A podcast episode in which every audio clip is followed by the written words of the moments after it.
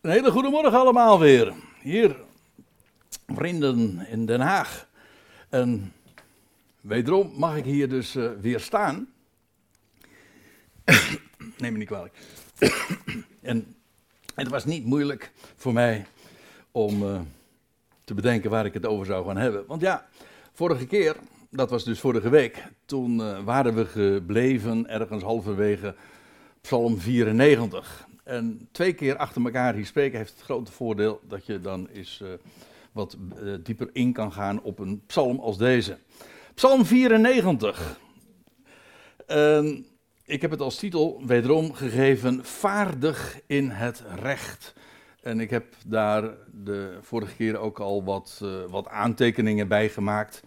Bij de misverstanden die heel vaak bestaan over dat begrip rechtvaardigheid en gerechtigheid. En en aanverwante woorden, vergelding, wraak, uh, die dikwijls heel erg uh, negatief worden ingevuld, maar vanuit de Bijbel juist een hele positieve betekenis hebben.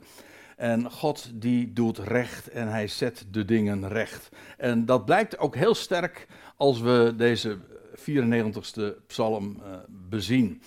En laat ik eventjes een, een, paar dingen nog, een wat highlights naar voren brengen wat we tot dusver hebben gezien. Ik heb uh, bijvoorbeeld opgemerkt dat uh, dit uh, de vijfde psalm is in het vierde boek der psalmen. Er zijn in totaal dus een vijftal boeken van de psalmen. De psalmen zijn dus niet één boek, maar vijf boeken. En dit is de vijfde psalm ja, in het vierde boek. En dat is op een hele bijzondere wijze gestructureerd. Dat wil zeggen, die boeken corresponderen ook weer met de vijf boeken van Mozes, de Pentatuig. Penta betekent trouwens ook vijf. Um, en al die boeken uh, corresponderen ook qua inhoud met elkaar. En dit vierde boek, dat heeft vooral ook te maken met de wijze waarop God in gaat grijpen in deze wereld. En dat zie je in al deze psalmen terug. En hoe hij recht gaat brengen, gerechtigheid gaat volvoeren. Uh, in Israël, maar via Israël ook over de hele volkerenwereld. Het is daarmee dus ook een profetische psalm. Het gaat, dat blijkt eigenlijk al vanaf het allereerste begin, afgezien van de hele context, van al die psalmen die hieraan vooraf gaan, maar ook uh, nog hierop volgen. Het gaat over de dag dat Gods in lichtglans zal verschijnen. Waarom? Wel om de boel, ik zeg het eventjes plat, maar om alles in deze wereld te gaan richten. Dat wil zeggen, daar zit dus ook weer dat woordje recht in, om alles recht te, te gaan zetten. En uh, ja, ik weet niet hoe u dat hebt, maar ik denk dan bij mezelf, als, er, uh, als God recht gaat zetten, alles in deze wereld, ik bedoel ook openbaar, publiek, gewoon onder de natieën, dan moet er nog heel wat gaan gebeuren. En reken maar dat dat ook een enorme uh, pijnlijke, harde, gevoelige ingreep zal zijn. En heel veel in de Bijbel gaat juist ook over die grote transitie, als ik het zo mag zeggen, van deze boze aion, dit boze wereldtijdperk waar we die nou, we, we, beleven momenteel de nadagen daarvan. En de, de nieuwe, de komende aion gaat aanbreken. En de overgang van het een in het ander, dat verloopt niet rustig, kan ik u verzekeren. En God gaat dan dus recht doen. Uh, nog eventjes over de structuur deze, van deze psalm. Het uh, kent zes strofen, waarvan drie gebeden. En die worden elk dan opgevolgd door drie toespraken. Dat is een groot woord, maar in ieder geval dan wordt niet God aangesproken in het gebed, maar wordt het volk aangesproken.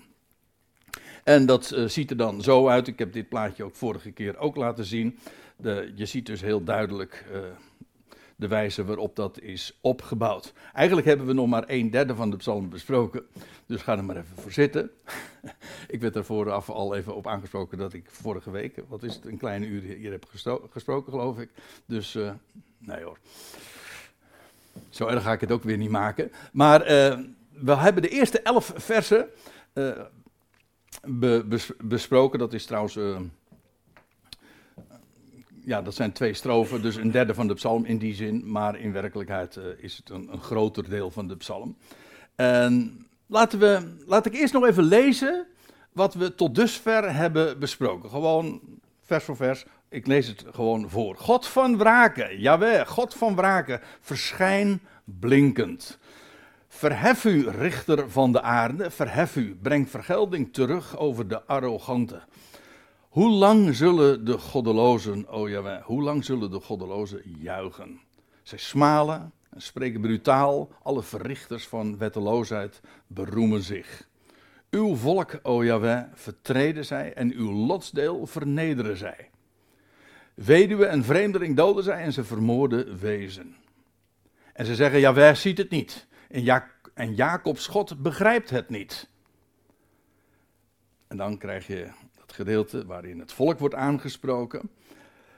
Begrijp redelozen onder het volk en dwazen, wanneer zullen jullie verstandig worden? Zou hij die het oor plant niet horen? Zou hij die het oog formeert niet zien? Zou hij die natieën disciplineert niet corrigeren? Hij die de mens kennis onderwijst? Jawel kent de plannen van de mens. Ijdelheid zijn ze. Nou, en daar zijn we de vorige keer mee geëindigd. En daarmee eindigt eigenlijk ook dat, dat tweede deel van de, de psalm. En je ziet, hier wordt uh, in feite in dat tweede gedeelte een antwoord weer uh, gegeven op, uh,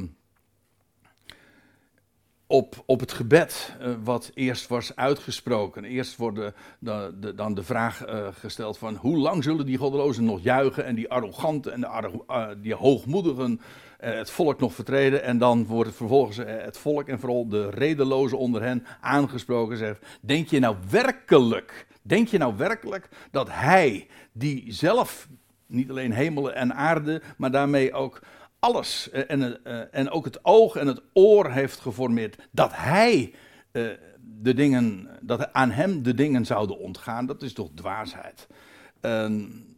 en de mens wordt neergezet met al zijn plannenmakerij en met al zijn, met al zijn concepten en met al zijn, met al zijn idealen. En God zegt gewoon, het is ijdelheid. Het betekent helemaal niks. Hij blaast en het is weg.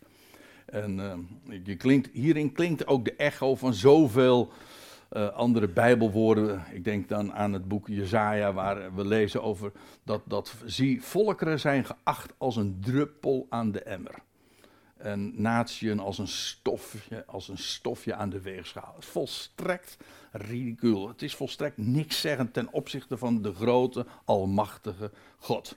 En daarmee wordt de mens ook op zijn plaats gezet. En laten we dan uh, verder lezen bij vers 12. Gelukkig de held, oh jawel. En ik heb al eventjes maar dat ten overvloede al uh, opgemerkt, maar dat had u bij het voorlezen natuurlijk ook al opgemerkt, dat dit niet uh, conform de Statenvertaling of de NBG-vertaling is. Het wijkt soms wat af in woordkeuze. Het is een wat letterlijke weergave en die aansluit op die interlineair die u hieronder ziet. Dus zo dicht mogelijk bij het origineel. Oké, gelukkig de held, o oh Yahweh. er wordt hier iemand, of een soort mensen, aangesproken eh, gelukkig gesproken. Uh, in de Statenvertaling, en eh, trouwens dat geldt ook voor de NBG-vertaling, die geeft hier gewoon gelukkig de man. In het Hebreeuws staat hier een woordje geber, en dat betekent meester. En het wordt ook heel vaak vertaald met een strijdbare man. Het is dus eigenlijk, als we het idiomatisch gewoon in het Nederlands zouden willen weergeven, dan is het dus maar niet een, een, iemand van het mannelijk geslacht, maar een strijdbare man, zoals wij dan zeggen, een baas, hè? een vent, een kerel. Dus echt uh, een mannelijke man, om zo te zeggen. Uh, en hoezo dan? Wel, gelukkig de held, oh jawel, die u discipli disciplineert. En in de MBG wordt dit vertaald met die u kastijdt. En de Statenvertaling spreekt van tuchtigen. En ook dat is trouwens, net zoals die eerdere woorden waar ik het al eventjes op doelde, uh, die worden heel vaak negatief bezien. Dat geldt trouwens ook voor kastijden en tuchtigen. En de Bijbel doet daar niet aan mee. Integendeel, het is juist een, uh, een, een bijvoorbeeld als het gaat om vaderschap, dan lees je dat het juist een vader die zijn zoon of zijn kind lief heeft, die kastijdt het. Dat, is, dat staat niet tegenover de liefde, maar het is een uiting daarvan. En dat, dat is van, van belang, want, uh, en ik wil op, op een, merkwaardigheid wijzen, die is uh, niet zo erg bekend, en juist daarom uh, attendeer ik u erop. Hier staat in het Hebreeuws een woord dat verwant is aan een ander Hebreeuws woord. Ik heb expres de, de strongnummers, dat zijn de codes waar je dingen gemakkelijk mee kunt terugvinden. Heb ik erbij vermeld voor degenen die het willen onderzoeken. Het is verwant met een woord dat uh, als zelfstandig naamwoord dan een koord of een touw of een pees is. Het idee is dat bij, uh, bij dat disciplineren of tuchtigen of kastijden, dat maakt me daar niet zoveel uit. Uh, disciplineren is, is dus het idee is niet zozeer, uh, of niet alleen maar dat van dat er hard wordt ingegrepen, maar er iemand wordt, ja, hoe zal ik het zeggen, begeleid. dat idee van een koord en een touw, wij, als, als, iets aan, als iets gebonden is, door middel van bijvoorbeeld een touw, dan wil dat zeggen dat uh, ja, zo iemand wordt uh, op het rechte pad gehouden, uh, aangelijnd, hè, zoals je dat met honden doet. Die, die heb je ook aan een lijntje. Waarom? Dat, dat doe je niet om die hond te pesten, dat doe je juist om, om hem te behoeden en om jezelf trouwens ook te behoeden. Hè? Be, beteugelen. Ja, ja bij een paard uh, doe je dat ook. Ja, inderdaad. Dan wordt het ook. Dan wordt het gedisciplineerd. En dan moet je soms wel strekken. Ja, dat is eigenlijk een veel mooier woord. Uh, uh, of in ieder geval een mooie lijntje, om zo te zeggen. inderdaad, bij de dressuur van paarden, dan, dan, wordt, dan wordt daar, daar speelt een koord of een touw uh, ook een grote rol. En dat is juist om het op het rechte pad te houden. En om het te kunnen besturen. En dat heb je nodig in de opvoeding. En daar, het is gewoon heel elementair. En dan moet er soms ook inderdaad hard ingegrepen worden. Maar de aardigheid is dat de Bijbel daar juist heel positief over spreekt. Uh, degene die dat weigert te doen om harde ingrepen soms te nemen, ja, dat is geen bewijs van liefde, maar dat is slapheid en in feite zelfs liefdeloos. Want als je werkelijk de ander lief zou hebben, bijvoorbeeld je kind of whatever, dan zou je juist ook je zo opstellen.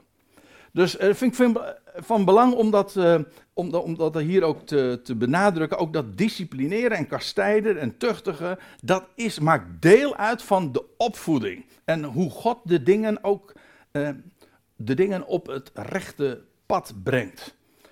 En dan wordt hier ook uh, nog erbij gezegd, en die u vanuit de Torah onderwijst. Yahweh is degene die onderwijst. De aardigheid is dat het woordje Torah, daar zit in, dat is ook weer verwant aan een ander Hebreeuws woord, en dat heeft te maken met iets, iets aanwijzen. Een, vandaar dus een vingerwijzing. De aardigheid is, wat ik, dat plaatje wat u hier ziet, dat is een, uh, in dat noemen de Joden een jat. Een jat is eigenlijk gewoon een hand maar met een hand wijzen ze dus op de, de, de regel of de tekst die ze lezen. En het idee is, dat is ook wat Torah is, namelijk een, een, een, een aanwijzing. De, de Torah is dus uh, geen, geen wet. In, in, die, in de Hebreeuwse betekenis van het woord is dat niet een wet die als als een last wordt opgelegd, maar is juist een vingerwijzing van uh, dat is de weg uh, die te gaan is. Maar ook het wijst op wie God is en wat Hij bij machten is te doen. En ja, als je door Hem, als je door God wordt onderwezen vanuit Zijn woord, vanuit de schriften, vanuit dat wat geschreven staat, ja, dan, da juist daardoor word je ook met recht een vent en daardoor word je gedisciplineerd. Uh, daardoor wordt een mens opgevoed. Zijn woord brengt zo op het rechte pad.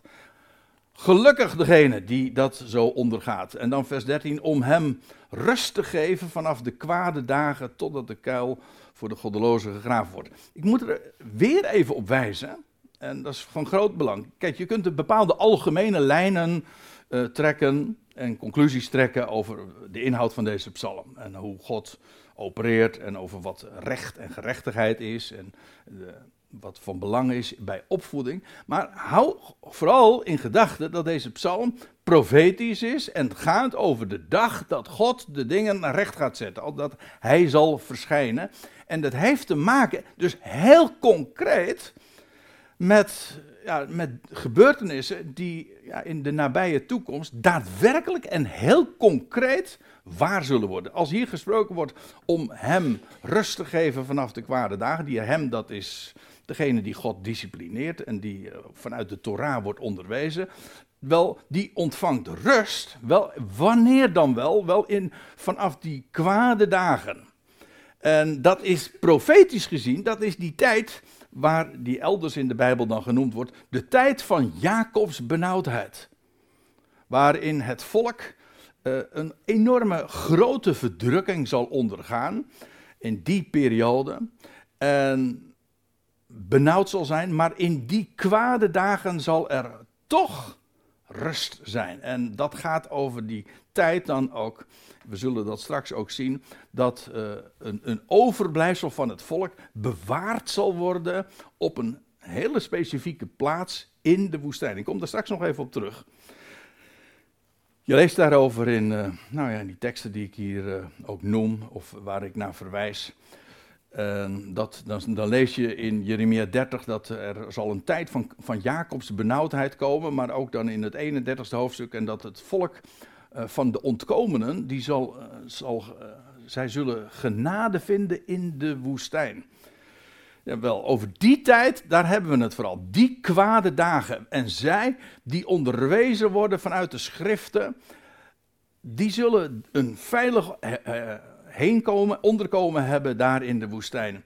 Ja, gedurende die kwade dagen totdat de kuil voor de goddelozen gegraven wordt. Met andere woorden, God gaat recht doen en al die onrechtplegers en al het onrecht uh, dat men uh, ondergaat, die enorme benauwdheid die men zal beleven daar in het land, reken maar, God weet de goddelozen te vinden en de kuil voor de goddelozen zal gegraven worden. En wij zeggen dan, dat is een, uh, eigenlijk een, dezelfde soort uitdrukking, de goddeloze zal het onderspit delven. Maar eigenlijk het onderspit delven betekent eigenlijk ook dat die, uh, er wordt een kuil voor hem gegraven.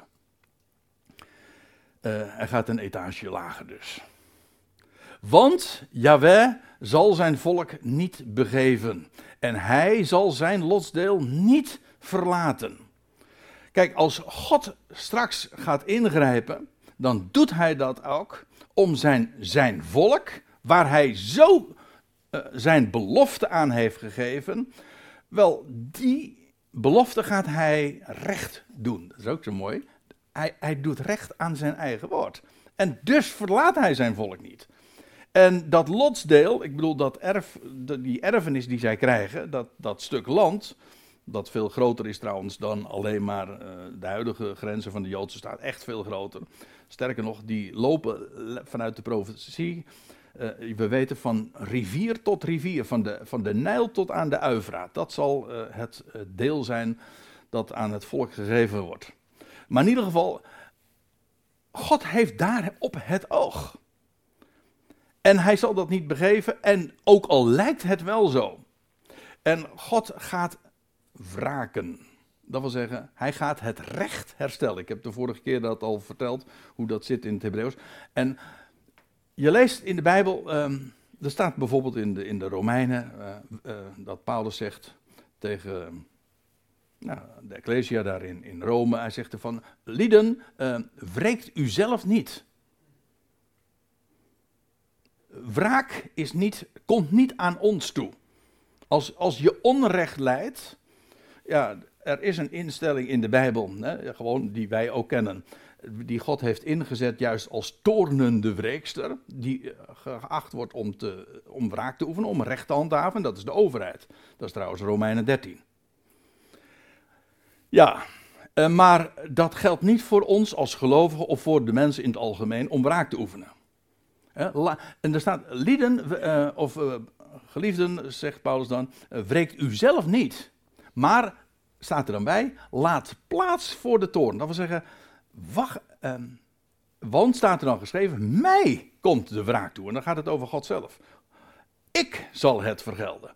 En dat is een fikse troost. Voor, ja, niet alleen voor het volk, waar Psalm 94 dan eh, specifiek over gaat, over die tijd, maar in het algemeen.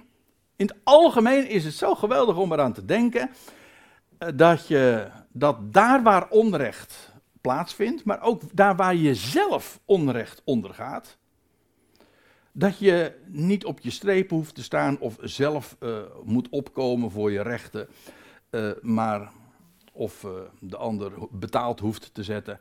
Want God zegt, mij komt het toe. Ik zal het vergelden en wel op mijn tijd. En dat betekent dus dat je het kunt overgeven. En laat het maar aan God over. Op zijn tijd zal hij de. Hm. Op zijn tijd zal het licht worden.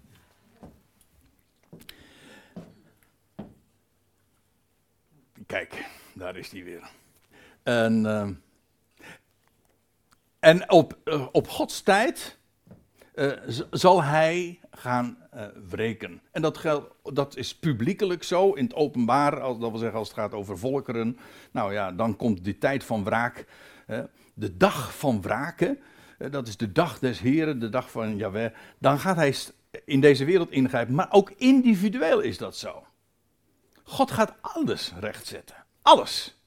Ik bedoel, alles gaat hij rechtzetten. En laat dat dan maar gerust aan hem over hoe hij dat gaat doen. En dat is de garantie die hij geeft. Want Jawel zal zijn volk niet begeven, hij zal zijn lotsdeel niet verlaten. Want u weet toch, dat is een van de rode draden die door heel de Bijbel heen loopt. God verlaat nooit dat waar hij om geeft. Namelijk het werk van zijn handen. En dat laat hij niet gaan. En zeker niet het volk dat hij speciaal heeft uitverkoren. En dat lotsdeel waar hij zo'n speciaal plan mee heeft. Want de rechtspraak, staat er dan in vers 15, zal terugkeren tot rechtvaardigheid. En alle oprechten van hart zullen het navolgen, zullen zich daar, zegt de MBG-vertaling dan, uh, daarbij aansluiten. En er komt dus een moment dat de rechtspraak zal terugkeren, wat dus veronderstelt dat uh, de rechtspraak is verdwenen. Nou ja, laten we wel wezen, dat is uh, zelfs nu, of dat zal uh, straks helemaal sterk het geval zijn als het volk nergens meer veilig is. het volk, ik bedoel dat onderwezen wordt vanuit de schriften. En dan, dan zal het recht echt struikelen. Maar laten we wel wezen, dat doet het ook al in deze aion in toenemende mate. Waar is het recht? Ook het recht, niet alleen maar op nationaal niveau, maar ook internationaal niveau. En dan, ja, dan kun je zeggen van ja, we hebben in, in Den Haag toch een internationaal gerechtshof en zo. Ja, maar uh, laten we wel wezen, uh, dat, is, dat is ook uh, voor, voor het allergrootste gedeelte gekonkel en politiek, allerlei belangen. Maar dat er echt iemand is die boven de partijen staan en die daadwerkelijk recht zal doen. Hè? Je leest in Jezaja 2 ook dat God, als, uh, als het Messiaanse Rijk zal zijn aangebroken, dat hij zal recht spreken over natieën. En dat internationale gerechtshof zal zich dan niet in Den Haag bevinden, kan ik u verzekeren, maar in Jeruzalem. Want daar gebeurt, dat is de grote hoofdstad waar internationaal dan uh, de dingen geregeld worden. En dat zal gebeuren in gerechtigheid. Echt rechtvaardig. Dat gaat dus daadwerkelijk gebeuren. En u begrijpt wel, uh, daar moet nog heel wat water door de Rijn stromen voordat, uh, voordat dat zover is. Maar de rechtspraak zal terugkeren. En daadwerkelijk recht worden. Uh, dat wil zeggen, het, dat wat nu onrecht is, dat zal gebogen worden tot recht. Hoe pijnlijk dat ook is. En alle oprechten van hart zullen zich daarbij aansluiten. Uiteraard, want dat is waar als je hangt naar gerechtigheid. Ja, dat is toch waar je naar uitziet, naar die tijd. Nou, die gaat komen. Don't worry. nu uh, geef ik als aantekeningen nog bij inderdaad de landsbestuur, maar ook de rechtspraak is in toenemende mate ook van God los. Als je het snel zegt, dan uh, zeg je, dan klinkt daarin door goddeloos. Maar dat is eigenlijk wat, het God, wat goddeloos ook is. Je bent van God los. En we raken ook helemaal van God los. En dat betekent ook, je raakt volledig gedesoriënteerd. Je weet niet meer wat, wat normaal is, wat de normen zijn, wat recht is. En, de grootste gekkigheid uh, kun je dan verwachten. Nee, ik ga geen voorbeelden geven.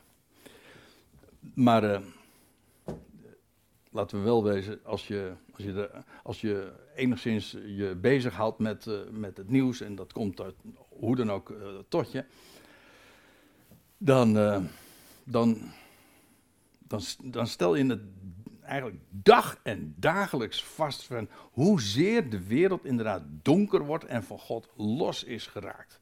Het is bizar wat er allemaal gebeurt en dat je uh, dat je je afvraagt van hoe halen mensen het in hun hoofd. Maar dat is, de reden is, heeft niets te maken met hun IQ. Het heeft te maken met het feit dat het donker is omdat het licht van God en zijn woord niet meer schijnt. En ja, dan kun je dat allemaal verwachten. Terug naar uh, Psalm 94, vers 16. Wie zal voor mij opstaan tegen de boosdoeners? We, zijn weer even terug in die concrete werkelijkheid waar deze psalm profetisch dus uh, over gaat. En ja, als daar dus dat, over die tijd, dat God, vlak voordat God gaat ingrijpen, en dan, dan klinkt de vraag, wie zal voor mij opstaan? Wie zal het voor mij opnemen tegen de boosdoeners? En ook hier wil ik uh, weer even op wijzen. Ik heb het vorige keer al even verteld dat het woord voor wraak, dat is nakam. En hier staat een woord dat daar weer direct mee te maken heeft, namelijk opstaan. Opstanding. Herstel daarmee ook. En ja, dit gaat dus uh, heel uitdrukkelijk over die tijd dat, uh, dat er in, in het land zelf geen plek meer veilig zal zijn voor de getrouwen degenen die onderwezen worden en zich laten leiden door de schriften. Indien, en dan, en dan dit is uh, een reactie daarop. Indien Yahweh niet mij uh, tot hulp was, mijn ziel zou spoedig in de stilte verblijven. Ook hier uh, gaat het weer concreet over die tijd dat een, het volk een schuilplaats zal hebben in de woestijn. Daar zullen ze bewaard worden. Hier, even voor de goede orde. Uh, als je daar niet zo vertrouwd mee bent, maar het is van belang om een psalm als deze te begrijpen, uh, om dan ook het profetisch woord in zijn algemeenheid te kennen en te weten uh, dat uh, ja, God gaat ingrijpen, maar dat hij, dat hij een geweldig plan heeft met zijn volk en dat hij het gaat terugbrengen naar het land en over de, de, de omstandigheden waarin dat zal plaatsvinden. Dat heel een groot gedeelte van de Bijbel is juist gefocust op die tijd. En we worden eigenlijk dus uh, ook geacht te weten wat daar staat geschreven. Uh, anders, anders begrijp je dit niet. En dat God daadwerkelijk ook een hulp zal zijn in die tijd en een schuilplaats. En uh, ik lees even verder in vers 18. Als ik, als ik dan zeg, als ik zei, mijn voet glijdt uit, wel, uh, dat wil zeggen, je dreigt te bezwijken of je dreigt onderuit te gaan. Wel, uw goede tierenheid, o Jaweh, die ondersteunde mij. Dus uh, ook in die tijden dat gevaren dreigen, wel, dan is er één die je helpt, die je ondersteunt. En dat zal het volk straks ook heel concreet gaan ondervinden. Um, ik, ik, ik, lees Psalm 121. Ik verwijs eventjes naar een paar van die versen waarin datzelfde naar voren gebracht wordt. Het is een lied der traptreden, daar ga ik nu even aan, voor, aan voorbij. Uh, maar uh, dan staat er, ik, u kent wellicht deze, deze versen, maar ook hier gaat het weer concreet over die tijd. Ik hef mijn ogen op naar de bergen, van waar mijn hulp komen zal. Dus is, ik geloof niet zoals de MBG-vertaling dit weergeeft, dat het een vertwijfelde vraag is. Van, van waar komt mijn hulp vandaan? Nee, ik hef mijn ogen op naar de bergen, want vandaar zal mijn hulp komen. En dit gaat over die tijd. En uh, wel, die hulp is van Yahweh. die hemel en aarde gemaakt heeft. Kun je je voorstellen, als je dat realiseert. Hij is God. Hij is, hij is erbij, dat betekent zijn naam ook. Maar dat is, vergis je niet, het is degene die hemel en aarde, kortom het al, de schepping, bedacht en gemaakt heeft. Over hem hebben we het. Als die God, die alles in zijn hand heeft, jouw hulp is, wat kan je dan overkomen? Dacht je nou werkelijk dat hij jou vergeet? Of dat hij dingen over het hoofd ziet? Of dat hij dingen niet recht zal zetten? Hij is rechtvaardig. En daarom zal hij ingrijpen. En daarom zal hij het recht herstellen. Hij zal uw voet niet laten wankelen en uw bewaarder zal niet sluimeren. Ziet, de bewaarder van Israël zal niet sluimeren noch slapen. Dat wil zeggen, het hele idee, hè, wat uh, eerder was in Psalm 94 uh, hadden gelezen van, oh Jawel, ziet dat niet, het ontgaat hem. Ja, dacht je dat nou werkelijk? Dacht je dat nou werkelijk? Hij is met recht uh, degene die niets ontgaat. Niets is te groot voor hem, maar ook niets is te klein. En hij slaapt niet, hij sluimert niet. En hij zal straks. Uh, het is heel aardig waar, om erop te wijzen dat in de psalmen wordt uh, opge, de, de, de, woorden klinken van sta op, oh Jaweh. met eigenlijk de gedachte van hij grijpt niet in. Nee, maar hij grijpt nu niet in. Maar hij slaapt niet. En hij sluimert ook niet. Het is niet zo van dat hij even een dutje aan het doen is, dat hij, uh, hij is er even niet.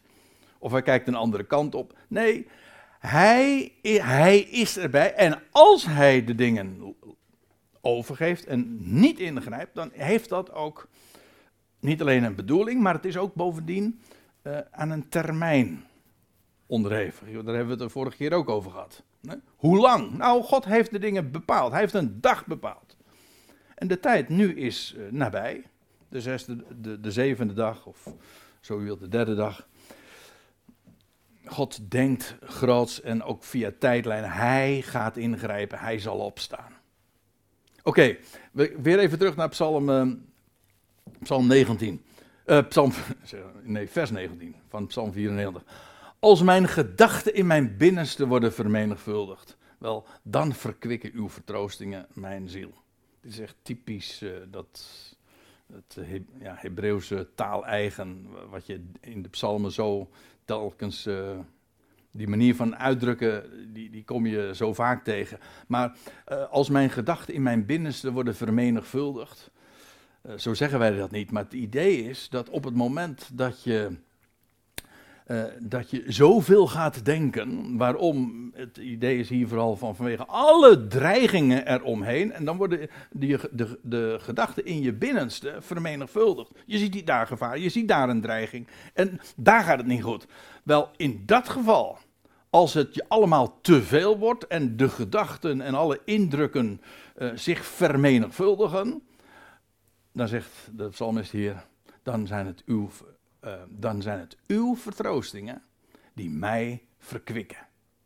En die mij uh, ja, weer op, ja, ook weer oprichten. En die mij omhoog doen zien.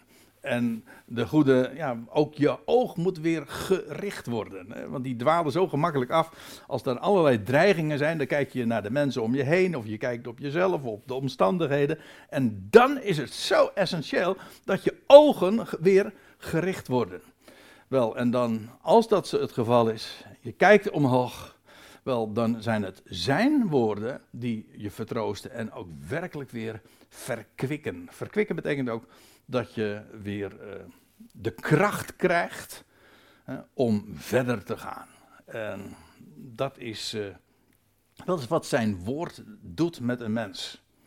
Dat woord, heel vaak hebben we de, wordt de indruk gewekt in zoveel predikingen uh, dat dat woord uh, ons vertelt van uh, wat wij moeten doen. Maar weet u wat het echte, de geweldige glorie van het woord is, is dat het ons wijst op Hem, wat Hij bij machten is te doen, in en door ons. En dat verkwikt. Op het moment dat, je, dat de dingen van jezelf verwacht worden, dan denk je van ja, dat kan ik allemaal niet, dat is mij te veel. Ja, maar God zegt, kijk naar mij. En van mij voor mij verwacht je never, nooit te veel. En dat verkwikt, dat vertroost.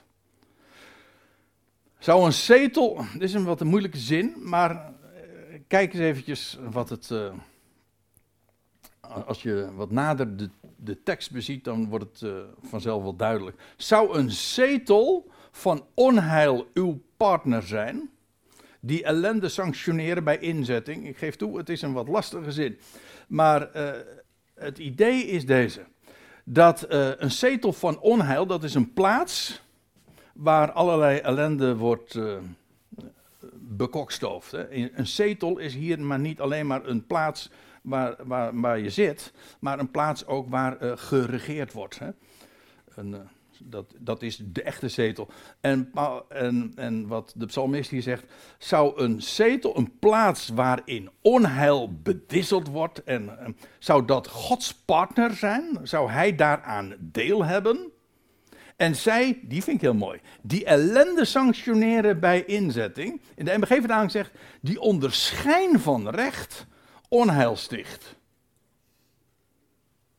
Het idee is, uh, uh, ellende sanctioneren bij inzetting. Dat, dus het idee uh, daarvan is dat, uh, dat daar plaatsen zijn waar geregeerd wordt. En daar wordt, ja, daar wordt gesanctioneerd. Daar worden dingen goedgekeurd. En er worden, er worden dingen besloten. En er worden, er is ook, er worden straffen worden ingesteld. Sancties. Hè. En er worden dingen ingezet. Geregeerd. Ja, maar wat men doet is. Men, men regelt eigenlijk. Men sanctioneert ellende. En men zet dat zo in. In feite, neem me niet kwalijk, maar dat is wat uh, de politiek in het algemeen doet. Men sanctioneert. Ik geef toe, ik ging, uh, u zegt dat ik over één kam scheer. Nou, het zij zo, maar dat is wel de, wat, wat er gebeurt. Die ellende sanctioneren bij, eh, bij inzetting. Dus ze regelen gewoon allerlei onzalige gedachten. Maar het is niet alleen maar zo dus dat, dat Gods woord genegeerd wordt, maar in plaats daarvan worden dingen die volstrekt tegen het woord ingaan, worden zodanig geregeld en daarmee ook ellendig gesanctioneerd. En dat wordt ingezet en zo, zo wordt dat dan bepaald. Ook nu zou ik weer natuurlijk uh, kunnen ingaan op wat er allemaal gebeurt in, in, gewoon in de actualiteit. Maar Hoeveel dingen er, eh, er doorheen gesluist worden. En dan heb ik het niet alleen maar over Den Haag, omdat ik hier toevallig uh, in Den Haag ben. Maar gewoon in het algemeen. Ook in de wereldpolitiek. Er worden allerlei dingen geregeld.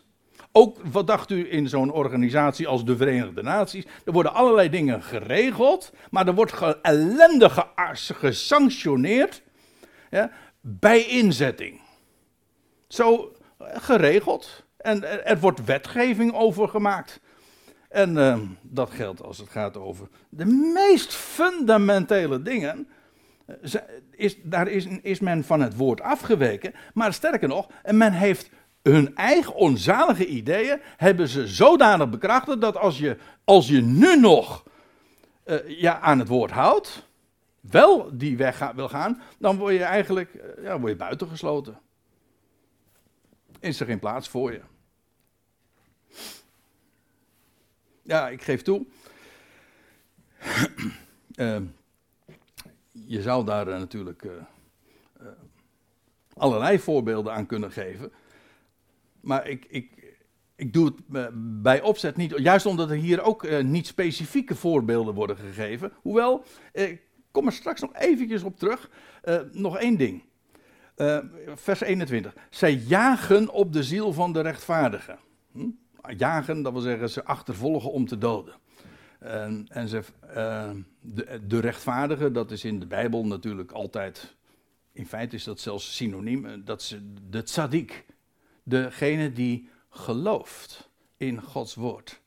Wel, uh, op het moment dat de, die niet meer veilig is, dan wordt er op hem gejaagd en, en, en, en wordt onschuldig bloed veroordeeld. Nou, dit is trouwens een, heel, dit is een voorbeeld van het sanctioneren van ellende bij inzetting. Dat is, er, er wordt onschuldig bloed veroordeeld. En van, om even bij, de, bij het voorbeeld van Psalm 94 te blijven. En die dag van wraak. Dat, het, dat daar een volk is dat moet vluchten naar de woestijn.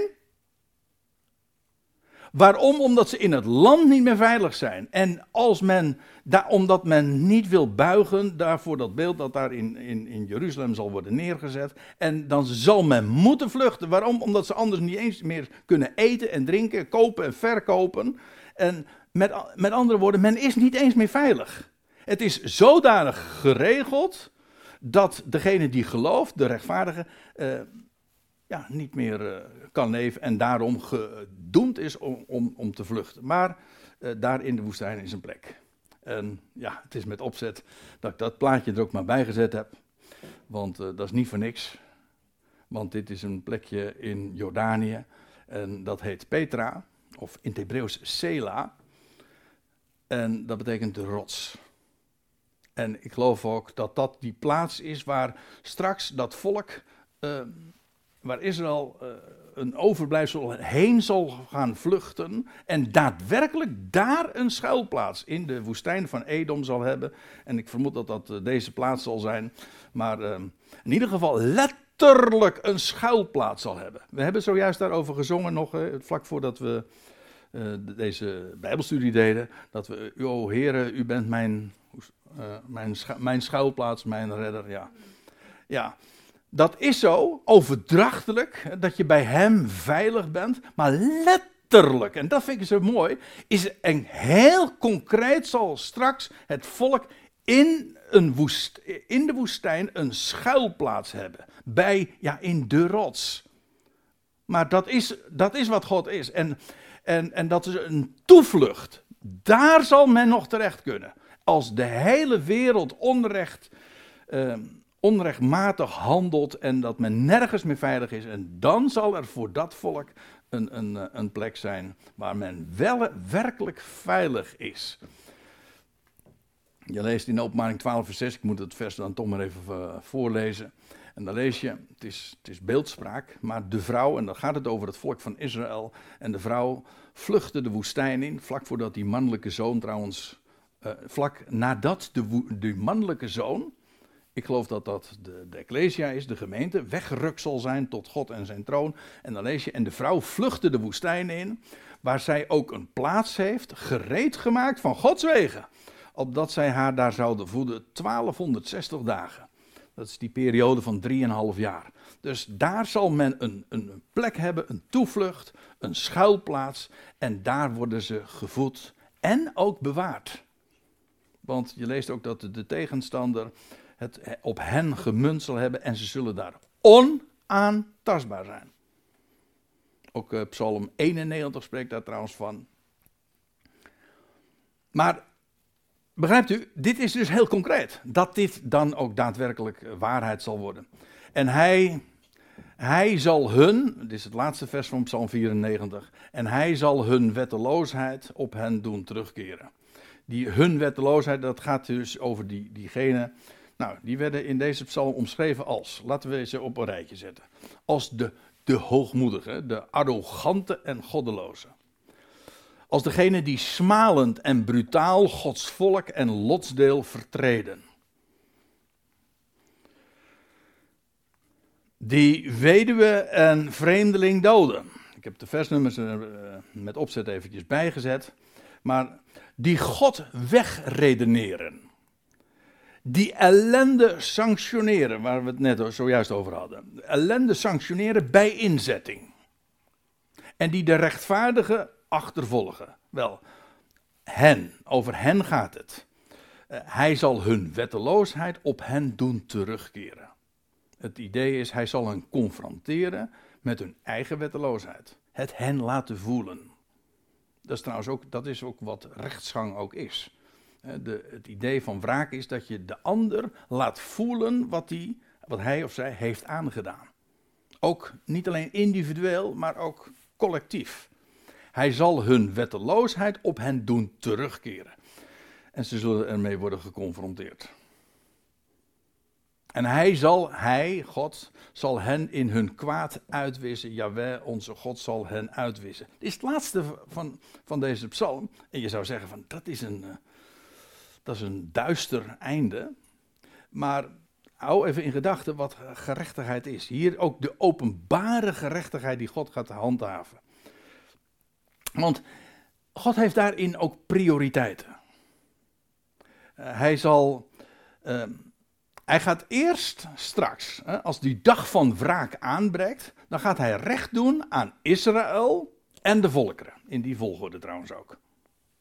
En dat zal zijn uh, ja, voordat de duizend jaren, dat Messiaanse Rijk, die laatste, die zevende dag voor deze wereld gaat aanbreken. Maar ook gedurende de duizend jaren zal er hij recht doen aan, aan, aan, aan Israël. Hij zal zijn plaats hebben in Jeruzalem en daar zijn zetel hebben. En daar zal vanuit Jeruzalem zal uh, de wet uitgaan. En dus Heer een woord vanuit Jeruzalem. En hij zal recht spreken tussen naties. Nou, dat is dat is waar de profeten over spreken.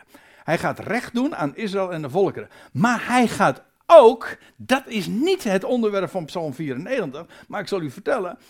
Uh, de schrift spreekt daar, maar dan meer op andere plaatsen, ook van dat hij ook recht gaat doen aan elk individu. Dat is in tweede instantie het geval. En je leest over na, dat na de duizend jaren, nadat die, dat, dat Messiaanse rijk hier op aarde zal zijn uh, voltooid, tenminste die duizend jaren dan, uh, dat uh, dan van een grote witte troon en daar zullen de doden opstaan en ze zullen aan de boeken gaan open en dan wordt er recht gedaan. Ik vind het zo geweldig dat God, dat, dat de dood voor God geen verhindering is om aan elk onrecht uh, een einde te maken en om al het onrecht ook recht te gaan zetten. God dood, ja, maar dat is bij God nooit het einde. Hij, hij, hij doet namelijk, op zijn tijd zal hij de doden ook opstaan en dan zal hij alsnog recht gaan zetten. En dan lees je over de, dat is een geweldig indrukwekkende passage in, in, aan het einde van Openbaring 20. Dat je leest dat de doden voor de troon staan. En het is onvoorstelbaar, maar dan wordt er recht gedaan. Aan elk individu ook. En dan zal alles duidelijk worden. En dan, zullen de, en dan, is, dan kan men ook achter niks meer schuilen. Dan zal alles openbaar worden. Dat is toch geweldig dat God uh, dan niet alleen recht zal zetten wat jij aan onrecht gedaan hebt, maar ook wat je aan onrecht hebt ondervonden, zal dan aan elk individu worden, uh, uh, worden recht gedaan. En over, voor de goede orde, maar dat is misschien, dat voert te ver. Ik geloof dat wij, wij als gelovigen, als ecclesia, daar geen deel aan zullen hebben. Bij ons zal het al veel eerder rechtgezet zijn. Maar in het algemeen, degenen die dan zullen opstaan, die zullen dan worden eh, berecht, maar ook gericht worden. Ja, nou en aan wie is dat toevertrouwd? Hier staat het. Aan Yahweh, onze God. Hij zal dat gaan doen. Yahweh, dat zijn naam betekent ik ben die ik ben. Nou, we hebben drie dingen daarover vastgesteld. Hij doet recht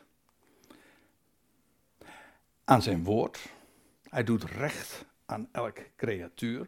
Hij zet de dingen ook recht. Dus daar waar onrecht is, maakt hij dat weer eh, goed en zet hij het recht, hoe pijnlijk ook. En hij brengt ook weer terecht. En dan zijn we weer terug bij af, want uh, als titel hadden we over deze psalm, eh, boven deze psalm gezet. God is vaardig in het recht. Laat het maar aan hem over om recht te doen. Of in het grote geheel, over, over Israël en de natieën, maar ook individueel. Hij zet alles recht.